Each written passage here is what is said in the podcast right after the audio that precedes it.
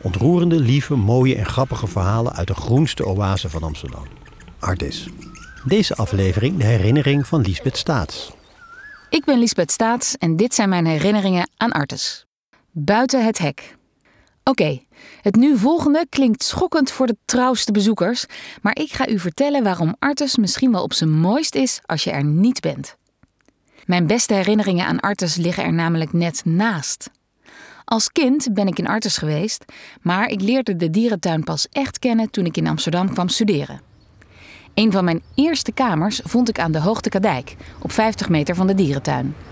En terwijl ik s'nachts lag te wennen aan de geluiden van de nieuwe stad, hoorde ik ook de apen schreeuwen, vogels krijsen en drongen er in mijn kamer kreten door die ik niet kon thuisbrengen. En toen ik eenmaal aan dat dierenconcert gewend was, merkte ik aan logiers nog altijd hoe bijzonder en absurd het eigenlijk is. Een plek met wilde of exotische dieren op een paar meter afstand van trams, fietsers en bewoners. In een overmoedige bui dachten we dat het geen kwaad kon om Artus s'nachts te bezoeken. Lekker rustig en we zouden niemand tot last zijn, toch, als enige in het park? Artus in de nacht had sowieso een aantrekkingskracht op ons. We stonden bij een zijingang en op dat moment leek het een goed idee om het hek met de stalen punten over te klimmen. Nou ja, ik zal verder geen reclame maken voor dat avontuur en het is toch verjaard. Maar een van de vrienden moest later die nacht eventjes langs de eerste hulp. Wij boffen. De dieren zijn hier nooit ver weg. Zou Artes nu gebouwd worden, dan moesten we om de olifanten te zien vast naar een plek in een winderige polder, ver buiten de stad in elk geval. En als je de dieren niet ziet of hoort, dan ruik je ze hier. Op zomeravonden kun je in de plantagebuurt fietsen en opeens de geur van hooi tegenkomen. Of, als je pech hebt, een penetrante mestgeur die gezellig een stukje met je meefietst. En als ik s'avonds of s'nachts na een etentje of een bezoek aan de kroeg naar huis fiets over de plantage Middelaan, kan ik er lyrisch van worden. Ik ruik de flamingo's. Achter deze hekken slapen gorilla's. En als je maar hard genoeg je best doet, baan je jezelf heel even op mini-safari in je eigen stad. Eerlijk is eerlijk, binnen de hekken van de dierentuin is het natuurlijk ook fijn. Toen ik kinderen kreeg, werd Artes een broodnodige achtertuin, waar je met peuters op zondagochtend al om 9 uur terecht kan met collega-ouders begripvolle blikken uitwisselt en goede koffie bestelt. En nu ze op school zitten, probeer ik mezelf altijd op te dringen als hulpouder bij de jaarlijkse onvolprezen artesuitjes. Een kijkje achter de schermen bij de giraffen of lessen over de tanden van bizons, olifanten en dolfijnen.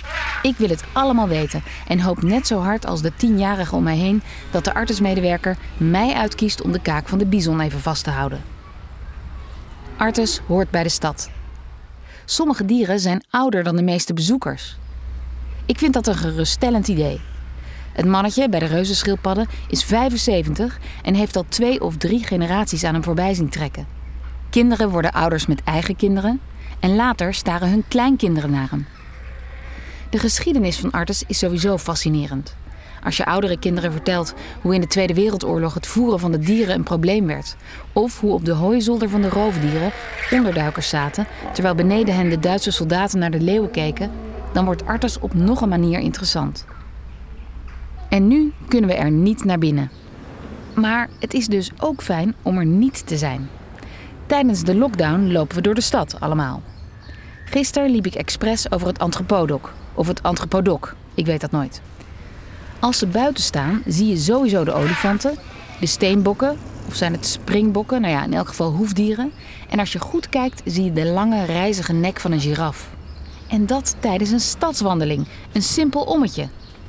Meteen heb ik zin om de apen weer te bezoeken, de vlinders en hoe zou het met de zeeleeuwen zijn. Je ziet wat je mist aan de andere kant van het hek. En precies daarom is Artes misschien wel op zijn mooist als je er even niet kunt zijn. Dankjewel, Liesbeth. Artis vergeet je niet, of beter gezegd, vergeet Artis niet. Want het gaat niet goed met de dierentuin. We blijven de dieren goed verzorgen, maar we dreigen geen geld meer te hebben voor verbeterprojecten en uitgaven aan onderhoud.